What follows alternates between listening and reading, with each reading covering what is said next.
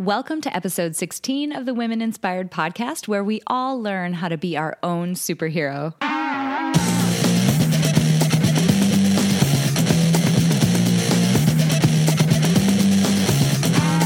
Welcome to the Women Inspired podcast. I'm your host, April Seifert. There is nothing more powerful than a woman who is inspired to action, and that's my number one goal to inspire you, my listeners, to take action in your lives. Each week, I get to interview some of the most inspiring women, and I'm bringing those interviews to you. Let's do it.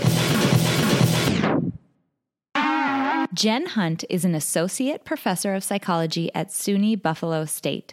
Her research examines the way that stereotypes, prejudice, and other expectations related to gender, race, and culture influence people's judgments and behavior. She also investigates the development and impact of gender ideologies and stereotypes on women's attitudes, relationship beliefs, and career goals. She teaches courses on the psychology of gender, the psychology of diversity, and advanced legal psychology. Dr. Hunt served as the coordinator of the Women and Gender Studies program at SUNY Buffalo State for six years and she has an appointment at the Baldy Center for Law and Social Policy at the University of Buffalo School of Law. She won the Action in Teaching Award from Social Psychology Network in 2012. Dr. Hunt is on the editorial board of Law and Human Behavior and is currently serving as a member at large of the American Psychology Law Society. Well, guys, I am really excited to welcome an awesome woman to the podcast today. Um, I'm excited to welcome Jen Hunt. Jen, thanks for being here. Thanks for having me. So, um, let us get to know you a little bit. Tell us a little bit about yourself so that uh, we can kind of snuggle in and get to know one another a bit. well, I am a faculty member in psychology at SUNY Buffalo State, um, which is a comprehensive college in Buffalo, New York, that serves um, a diverse population of college students. Um, I teach in the psychology department, and a lot of my work um, focuses on gender and race as forms of diversity and also on understanding people's behavior in the legal system. Um, I'm also a part of the Women in Gender Studies program, and in fact, I was the coordinator of the program for about six years, um, and my term ended fairly recently. Nice. So, um, tell us a little bit about uh, just for the people who don't know kind of that academic side of thing, what that side of things, what that all entails. Because I think there's the side of uh, academics and um, being a professor that we see when we're college students, and then there's you know sort of what what really goes on. So, tell us about what your what your work is like, and maybe what an average day is like for you. well, I kind of have two average days. So I teach three days a week. And on those days, my life is pretty much all about the students. Um, so I am in the classroom, um, teaching, leading discussions, facilitating activities with my students. I have office hours in which students can come to see me and we can work one on one on areas that uh, they're interested in or have needs to understand better. Um, I also supervise a number of students in their independent research. And so I meet with my students to teach them about doing research and to help them with their projects. Um, so on my teaching days, I am really working with students pretty constantly. The other two days a week are days where I work on my own research. Um, and I think one thing that people don't realize about college professors is that in addition to being teachers, we're also scholars. And so I conduct research on um, how people think about gender I conduct research on jury decision making. I'm doing some research right now on tolerance of racism. And a couple of days a week, I really focus on that, on um, running my studies, on analyzing data, and on writing it so that I can share the information that I've gathered with um, the broader academic and public community.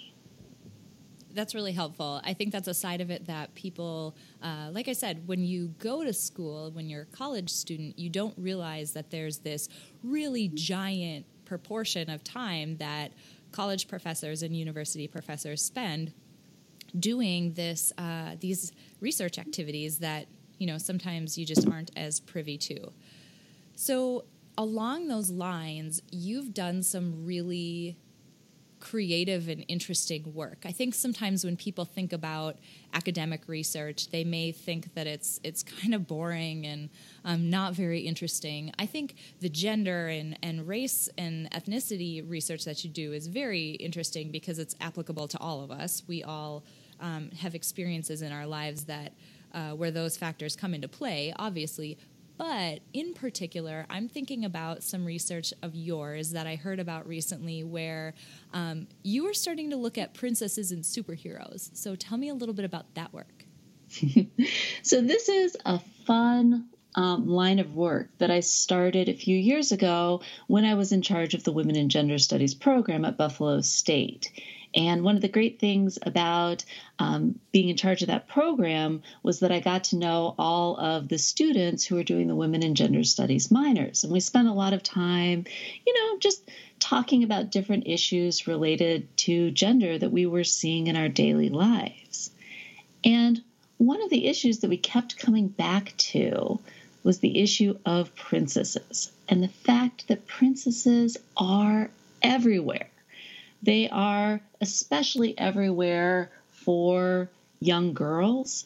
You see princess outfits, princess toys, princess movies, princess books, princess bedspreads. Um, the other day at the grocery store, I saw princess shaped pasta.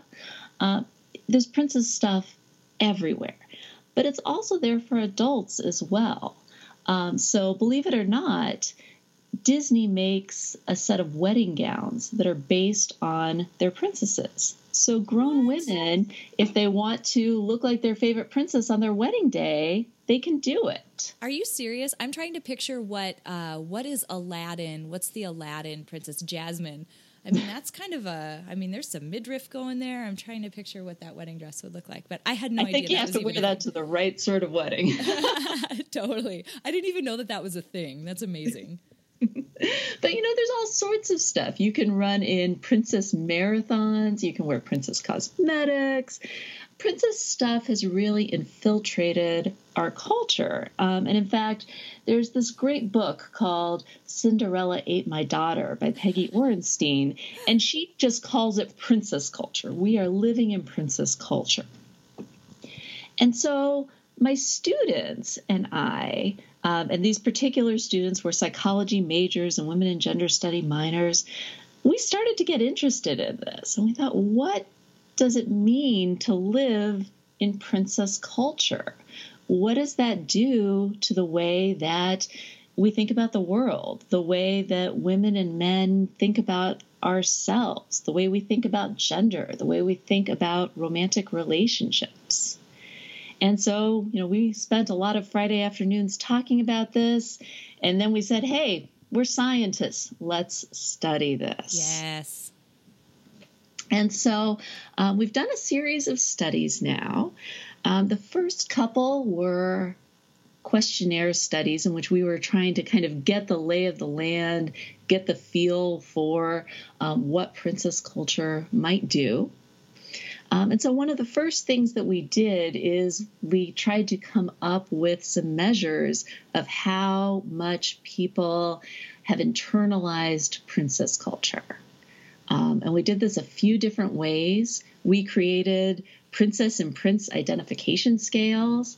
And they're just simple items that are things like when I look at myself in the mirror, I see a princess. Wow. Or I think of myself as being a prince right? Very basic items, um, but they capture some variability in terms of people who really see themselves as princesses or prince, or people who just don't. Um, and we also came up with some other measures. Uh, for example, we came up with some of the prominent characteristics of princesses and prince, and we measure how much people see themselves as having those characteristics. So get a little specific there. Like what I, I just think this is really interesting. What a, what are a couple characteristics that fall underneath this whole princess uh, bullet point versus the prince one? Uh, you know, it's interesting. People talk a lot about some of the modern princesses like Merida from Brave um, or Elsa and Anna from Frozen and how princesses have really changed and become much more progressive. But when we talked with our um, participants in our study, we found that people still think about princesses and princes in really um, kind of traditional ways. So things that people tend to associate with princesses are being ladylike, being beautiful, being polite and kind and gentle. Um, for princes, um, people see them as being powerful, handsome, strong, romantic, as being a gentleman. So, in many ways, one of the big issues with princesses and princes is that they're really exaggerated forms of traditional femininity and masculinity. Right? We have created these images that personify and reify traditional gender roles in a patriarchal society. And people still, despite the kind of growing proliferation of more modern princess and prince representations, still tend to um, see them in those traditional ways. Mm.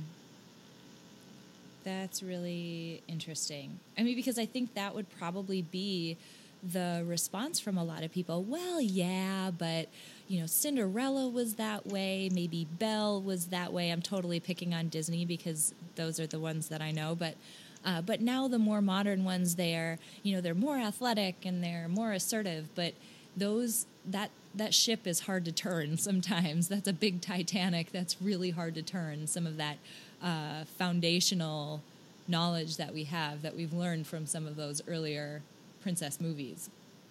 Absolutely. Right. And there are analyses of these movies that show that even the new ones um, have a lot to be concerned about. Um, so, for example, there was an analysis of how much the women versus the men in movies like Frozen got to speak. And despite the fact that Frozen is a movie about two sisters, there's actually far more speaking time given to men. And you know, you also see that princesses compared to the princes tend to be depicted as being um, less strong, more fearful. They're more likely to cry. They're more likely to spend time tending to their appearance. Um, and you know, when they're shown engaging behaviors, they're often nurturing or affectionate sort of behaviors. Again, they're living out that feminine gender role.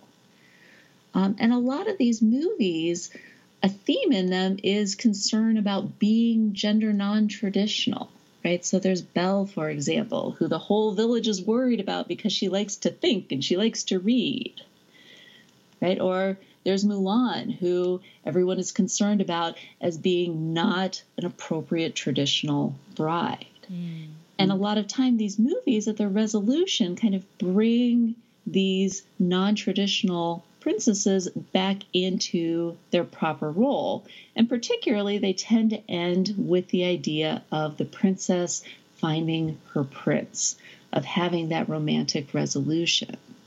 You still see this even in a lot of the contemporary um, princess movies. So, for example, at the end of Frozen, right, there's the big romantic resolution with um, Anna. There's some concern that some of these more progressive princess narratives um, cause us to let our guard down right? We embrace the athleticism, we embrace the greater autonomy, but we don't see that those mask the same traditional underpinnings that we get in the older stories. Totally. I can totally see that. So, for people who are maybe skeptical at this point, why does that matter? Like, why do we care? I think it matters for a number of different reasons. Um, so, in my initial studies, I looked to see how internalizing princess and prince culture affects people's views about gender. Um, and I looked at a number of different things. I looked at um, their levels of sexism. I looked at how much they buy into gender stereotypes. I looked into how much they have traditional gender role preferences. Um, and I looked at what they want out of relationships. And I found that identifying as a princess or a prince is associated with a number of these things. Um, so, for example, there's a form of sexism that's known as benevolent sexism. And benevolent sexism is kind of a subtle, warm and fuzzy form of sexism in which women are seen as being these great creatures who are pure and warm and caring and wonderful and essential to men's well being, but also seen as being very delicate and lacking in confidence. And so, as a result, if you buy into benevolent sexism, you think that women really need to be protected by and cared for by men. Mm. And benevolent sexism has been shown to lead to a variety of negative outcomes, um, including the overprotection of women, keeping them from doing things that they may want to do ostensibly for their own good. Um, it can also lead to women doubting in their own competence and their own ability to do things, and to women not questioning men who are engaging in controlling behavior. Mm. So, benevolent sexism, it may feel very warm and chivalrous and nice, but it's actually very damaging. Um, and we've consistently found that the more that people internalize princess culture, the higher they are in benevolent sexism. Interesting. So then in swoops uh, Wonder Woman and she saves the day. No, I'm just kidding. Um, so tell me a little, so tell me a little bit about the flip side of that coin. You were studying. Uh, you you got into the the work about studying uh, superheroes. How did that come into play? Okay, uh, there's a little bit of a story behind that. So after doing the first two studies in which we showed that internalizing princess culture is related to the way that people think about gender and think about romantic relationships, um, we started wondering what else it may do. Um, and we started wondering about whether buying into princess culture could actually affect women's career decisions. And we started thinking about some research that looks at factors that influence whether women pursue what are known as STEM fields, which is science, technology, engineering, mathematics, and some people include medicine in there as well. Um, and there's a lot of reasons why women are underrepresented in STEM fields. Um, importantly, ability is not one of them um, that there are hundreds of studies that have compared women and men in terms of things like math abilities and find that the differences tend to be very small. So it's not that women can't do it, it's that they don't do it. Mm. And there's some recent research that shows that one factor that affects women's participation in STEM is whether or not they have female teachers or professors. Um, so, for example, having for your first year in college a woman as your math professor has a profound effect on the way that women see themselves with respect to math women who are exposed to women mathematicians as their teachers um, see themselves as more of a math person. They believe that they're more able to do high level math, and they feel like they belong in those settings, for example, as math majors. So, all of that made us then go back to the princess and think, well, you know, is the princess essentially a reverse of this, right? Is the princess a negative role model for going out and doing non traditional things like pursuing math and science. And then we started thinking, well, you know, what's the reverse of that? Right? We're, we're coming down on princesses as being bad role models. Who might be a good role model? And that's where we started thinking about superheroes. Right? So, superheroes um, they're not perfect, don't get me wrong. For example, um, women superheroes tend to be very sexualized in their depiction, Mm-hmm. But superheroes have a lot of characteristics that princess don't have. They tend to be strong, they tend to be autonomous and empowered. They go out, find problems, and figure out how to solve them.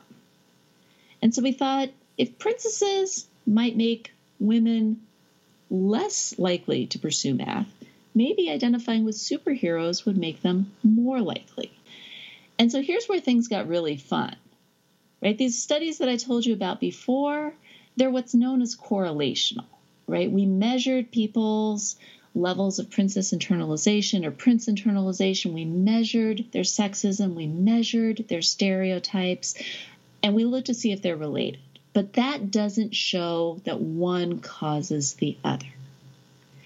On the other hand, if you conduct an experiment, what you're doing is you're manipulating the thing that you think has a causal relationship, and then you can show that it actually affects the outcome measure that you're interested in. So my students and I started thinking, well, how can we make people into princesses? Or how can we make them into superheroes? And we realized that actually this isn't too hard to do. I'm really curious about this now. so, what we did is we went out and we bought all sorts of costume items. So we bought these great aprons um, that look like the front of different princess dresses and that look like the front of superhero costumes. We bought capes, we bought tiaras, we bought masks, we bought costume jewelry, right? So we created little libraries, if you will, of princess outfits and accessories and of superhero outfits and accessories. And then we revamped my laboratory. We set up a full length mirror in it. We created a little changing room. And then we invited women to come into our lab. And when they came into our lab, we told them that they were going to be doing some dress up. And we randomly assigned, that is, we assigned by chance, first year college students to either dress up as princesses or to dress up as superheroes. And we also had a control group of women who just stayed in their own clothes.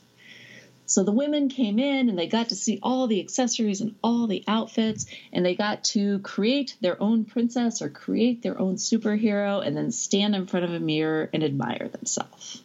And then after they did that, we had them spend a few minutes writing to talk about their character. So to say what they were like as a princess or to say what they were like as a superhero right? And in this way, we, through experimental methods, turned them into princesses or to superheroes. When they were done with that, then we started asking them about math, right? And we asked them questions like How much do you see yourself as a math person? How much do you think you might be interested in majoring in math or in majoring in science? How much would you like to pursue a career in math? And what we found was that our simple little manipulation had an impact. That compared to the women who stayed in their own clothes, that's our control group, the women who dressed up as princesses saw themselves as less of a math person and importantly, the women who saw themselves as a superhero saw themselves as more of a math person. That's amazing. And the women who dressed up as superheroes also had substantially more positive attitudes toward math and science majors. Now, think about this for a moment, right? We had them spend probably a maximum of 10 minutes getting into character, getting dressed, looking at themselves, writing about themselves. And in just doing that, we shifted their views toward math as a potential academic track. So then think about the 18 years of life that we spend before we get to college, right? And how much of that time we might spend pretending to be princesses or playing with princess toys, or hopefully getting to do some of the same with superheroes. right? If my 10 minute manipulation can shift people's views on math majors, then think about what we're doing over the course of the childhood and adolescent years in a culture in which princesses are so prominent. That's huge. I mean, that's that's really amazing. As somebody who has a little daughter right now and uh, sees this, and you know, you uh, Target actually has done a lot recently to try to degender uh, some of their toy aisles, although there's still um, there's still a long ways to come. But you see it everywhere. I mean, it is absolutely everywhere. So yeah, they get a lot of training in those first 18 years as to what it means to be a princess. That's for sure. Absolutely. Um, I'm a parent as well. I have a six year old daughter and a seven year old son. And this is something that I've had to push back on in my own life. Um, so, for example, when the children were smaller, I enrolled them in kind of a creative movement dance class um, that was called Storybook Dance, which maybe should have been a bigger clue to me at the time than I let it be. Um, but I remember very distinctly one day in which the kids got out of class and my daughter came up to me and she was, I think, three at the time. And she said, Mommy, we did a dance and I got to be a princess and there was a dragon and I was so scared. And then Demetrius came and rescued me. Wow. And I said, Oh, well, you know, that that's great, Desi, but you know you can rescue yourself too. And she just looked at me.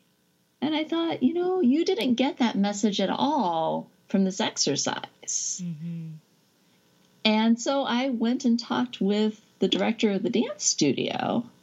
And I said, you know, this sounds like it was a lot of fun. And certainly, you know, there are stories like this, and I get that, you know, but I hope that over the course of the class that you're going to have other stories in which you know the girls are rescuing themselves or playing other characters or heaven forbid rescuing the princes and the director of the dance studio just looked at me with a complete lack of understanding. He says but those are the stories. Wow. And i think we need to challenge that view right? Yes to write some new ones exactly these are the traditional stories but we need to get out there and create more empowering stories and create a culture around that for our girls. That's so interesting. And you know, for people who are listening to this, I I haven't edited her episode yet, so I can't tell you exactly what number she is, but there's a woman who's around episode say uh, 13, 14, 15, somewhere in there. Her name is Claudia Perlich. I would suggest, given everything that Jen just talked through, uh, about the relationship of all of you know this work and the relationship she saw to women in STEM fields. I would highly suggest if that's something you're at all interested in, um, I'd highly suggest going and finding Claudia's episode because if you need a really good role model in that world, uh, Claudia and her work with IBM Watson and all of this other crazy stuff that she's done, um, she's your gal. Definitely a great role model within uh, within the STEM world. So I mean, I can definitely tell that this is this is a passion of yours. It's extremely interesting work, and obviously, it's it's applicable because you can see this happening with our kids, and you can see this happening as as people uh, grow up. Um, sometimes you know, when you get into work like this that starts to talk about uh, gender and maybe, uh, you know, differences between men and women or maybe lack of opportunities one way or the other, really you start to shed a light on the fact that there is still some inequity there between men and women. There can be a bit of backlash from uh, people as they're absorbing the message that you're that you're putting out there. Have you experienced any backlash in your work like that? Some. Um, you know, I think that there's there's two main things that that I've experienced. Um, one actually comes from students.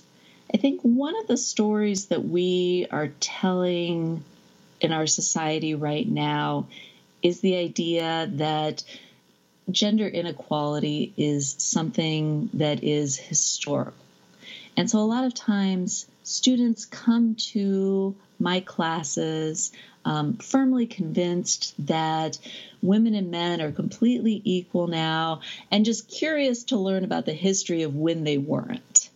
Um, and I feel like one of my jobs is to help open their eyes, to help them see that yes, we've made a lot of progress, but there's still a lot of ongoing inequalities and things that we need to work on with respect to gender.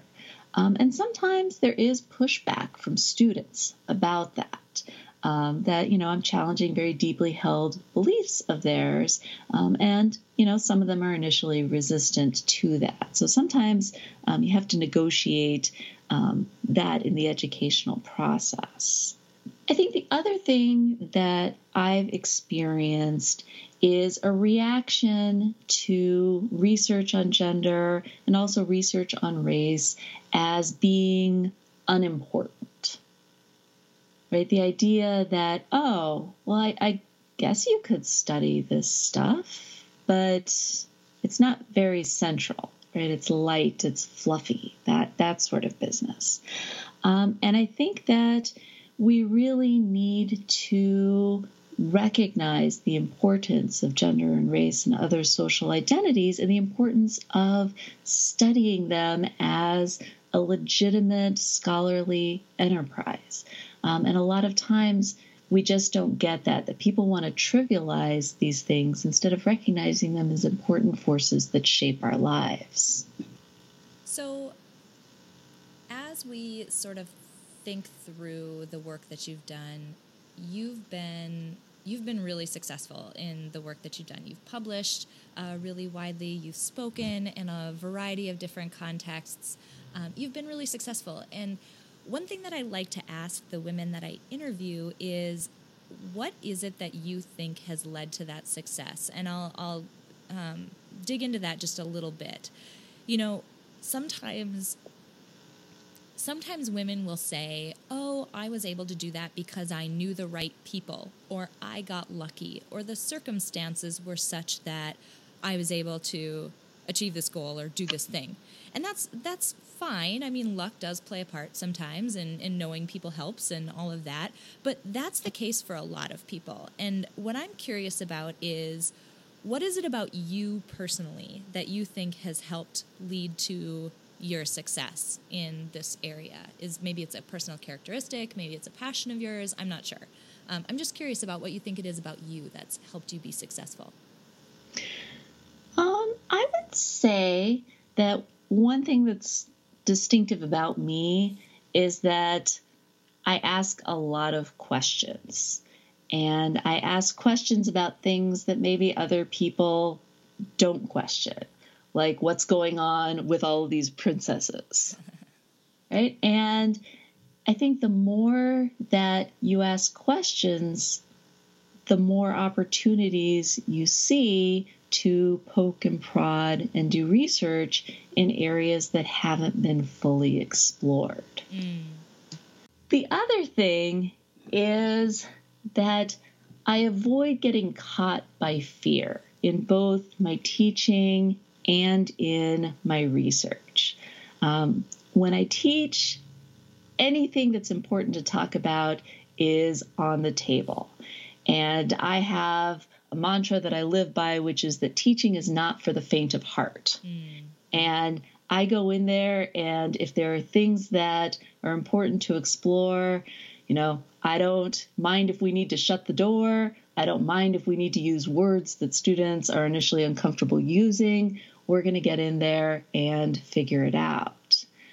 And with respect to research, it's the same thing. If I see a question that I think is worth exploring or a project that is worth doing, then I'm in it. Um, you know, if I think that there's a resource that the field needs that just doesn't exist, then I'm willing to commit to being the person who does it. And I think that sometimes it's easy to be small in your work. And I don't mean that pejoratively, right? There's people who do lots and lots of studies that make incremental steps, and their work is very important. But I think I take maybe the opposite approach, which is to think large, to try and to see what works and to see what comes to fruition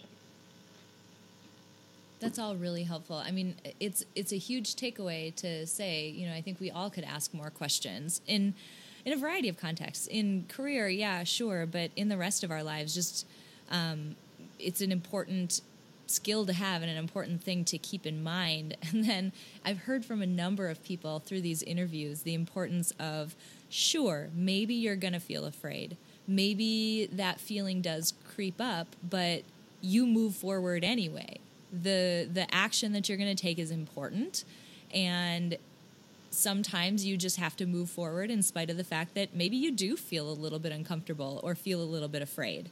Um, and it's been a it's been a really interesting theme that I've heard from a number of people that I've interviewed. That doesn't surprise me at all. I think that um, moving forward despite fear is really one of the keys to making progress you know across the board so, looking ahead now, what's on your plate next? What's your next goal? well, I'm working on some research that I'm really excited about. Um, I think it might make a little splash. We'll see, but I don't want to talk about that too much right now. Um, and then I've also been, you know, embracing a couple of personal goals for myself. Um, you know, one thing that I've been thinking about a lot is how to, as an individual, um, become more politically active. Mm. Um, you know, over the years, you know, I've taught numerous students and helped them open their eyes, and some of them are doing really great things politically. Um, and I've always been very proud of that. But now I'm trying to push myself a little bit more to be more politically active um, on my own. Um, so, for example, um, I recently went to Washington, D.C. to join the Women's March on Washington. Um, and am thinking about you know other ways in which I can embed more activism in my own daily life. That's really cool. That was huge. I mean, that was enormous. I, I wasn't in DC, but wow, the pictures from that were incredible. That was a huge number of people. It, it was massive. There were people everywhere. I don't think I've ever had so little body space in my life. So by March, but, you mean we all stand still in a clump because there's so many people. well, the funny thing was that there were so many people that instead of having a more a formal march, um, people just started marching, and I think people took lots of different paths to ultimately get to the march route. So I was part of a group that marched down the National Mall, which I don't actually think we were supposed to do. But you know, at some point, there's enough bodies that things just happen. I like a rule uh, breaker once in a while, so that's good. so yes, it was it was an amazing experience. So, summing all that up, based on everything you've learned, maybe from your research, from just being embedded within uh, that, and the you know the way that you're seeing this apply to people's lives outside of you know academic research what advice do you have for other women? And maybe it has to do with your research area. Maybe it's something even broader than that about helping to be successful or whatever. I'll leave it open to you but what advice do you have?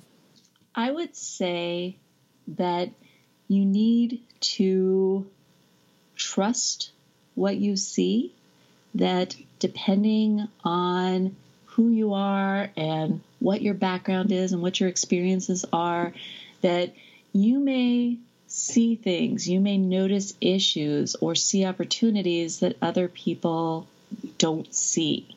And you need to embrace that and you need to move on it to seize the opportunities that you notice or to fix the problems that you've identified. Um, and you need to work hard and be bold, right? That mm. if you just follow the beaten path or you follow what everybody else is doing, that you may not make the mark that you ultimately want to make. Heck yeah, let's write some new stories. I, like I am all about news stories. I love it. That's awesome. That's really great advice. Uh, be bold, people. I love it. Um, so, as we wrap up today, there is one question that I ask every single person who is on the podcast. And I know this is a really good question for you because I know that uh, you really love music. So, maybe this is an easy question, but maybe that makes it really difficult. But we are compiling a Spotify Power playlist of motivational songs for you know women to turn to when they need a little bit of a boost during the week, and uh, all of these songs are curated by women who have been guests on the podcast. So I have to ask you for your contribution to our playlist. Hmm. My contribution to the playlist is going to be a song called Get Better by Frank Turner. Nice. And it is um, a really amazing song for when you're feeling low. Um, and the chorus of it says, Things can get better because we're not dead yet. Nice. I think that that is such a good theme because even at your lowest, you're not dead yet. And you need to, you know, get your people around you and keep moving forward. So that is a song that when I am feeling low, I play and I play loud. I love it. That's a great contribution. Um, Jen, I have to thank you so much for being here today. It is a really cool, growing tribe of awesome, powerful women who have been on this podcast. And I'm so excited to have you uh, in the fold in that group of people. Your research is really interesting. The impact that it's making is wonderful and amazing coming from a woman who has a daughter. Thank you for the work that you do. Um, and thank you for being here and being willing to share your story and be open and um, help us learn a little bit about uh, the work that you do. So we really appreciate it. Absolutely. It's been a pleasure. Thank you for including me in this group of women. Hey, friends. Okay, I'm about to steal my daughter's Wonder Woman hat so I can wear it to work tomorrow. Um, I work in data science, and maybe wearing it's going to make me even better at math. I think that would be awesome. Um, if I'm taking one thing away from this episode, it's that we need to embrace our inner strength our inner superhero, and we need to write our own dang story. You do not need to be saved. Save yourself. Be bold. Think big. Bend some steel, people. Oh my gosh, I'm getting a little bit carried away right now. Um, anyway, in all honesty, though, you're a lot stronger than you think you are. Now, if you like what you heard in this week's episode, please share this with a couple of your friends who might benefit from a weekly dose of inspiration. Uh, and if you have a couple of minutes, please pop over to iTunes, Stitcher, Google Play, and iHeartRadio uh, and leave me a rating or a review. I would really, really appreciate it. And subscribe. I have so many amazing women coming up. I know I say that most weeks, but seriously, they're so good coming up. I'm really excited for you to meet them. On that note, I want to share one unintended consequence that I've noticed is happening to me because of this podcast project. Each week, I have to find an inspiring woman to interview in order to put my uh, episodes out. And because of that, I am constantly on the lookout for women who are doing inspiring things. And the crazy thing is, I'm finding them everywhere, like seriously everywhere, every single day. And it occurred to me you encounter what you're searching for. If you go looking for negativity in your life, you're going to find it. But if you go out there and you look for beauty or kindness or inspiration, you're going to find that too. So, what I'll leave you with this week is what do you want to find? Go search for it this week. And until next time, have an inspiring week.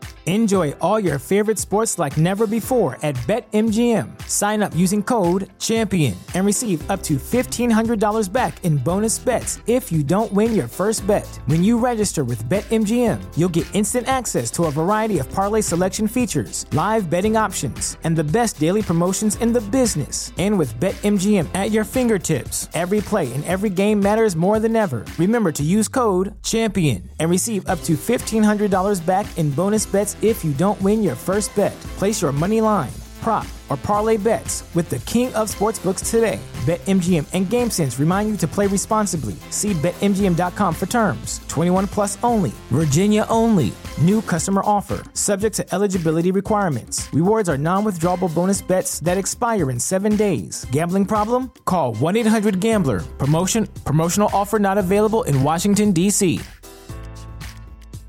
At Parker, our purpose is simple. We want to make the world a better place by working more efficiently, by using more sustainable practices, by developing better technologies. We keep moving forward. With each new idea, innovation, and partnership, we're one step closer to fulfilling our purpose every single day. To find out more, visit parker.com/purpose. Parker, engineering your success.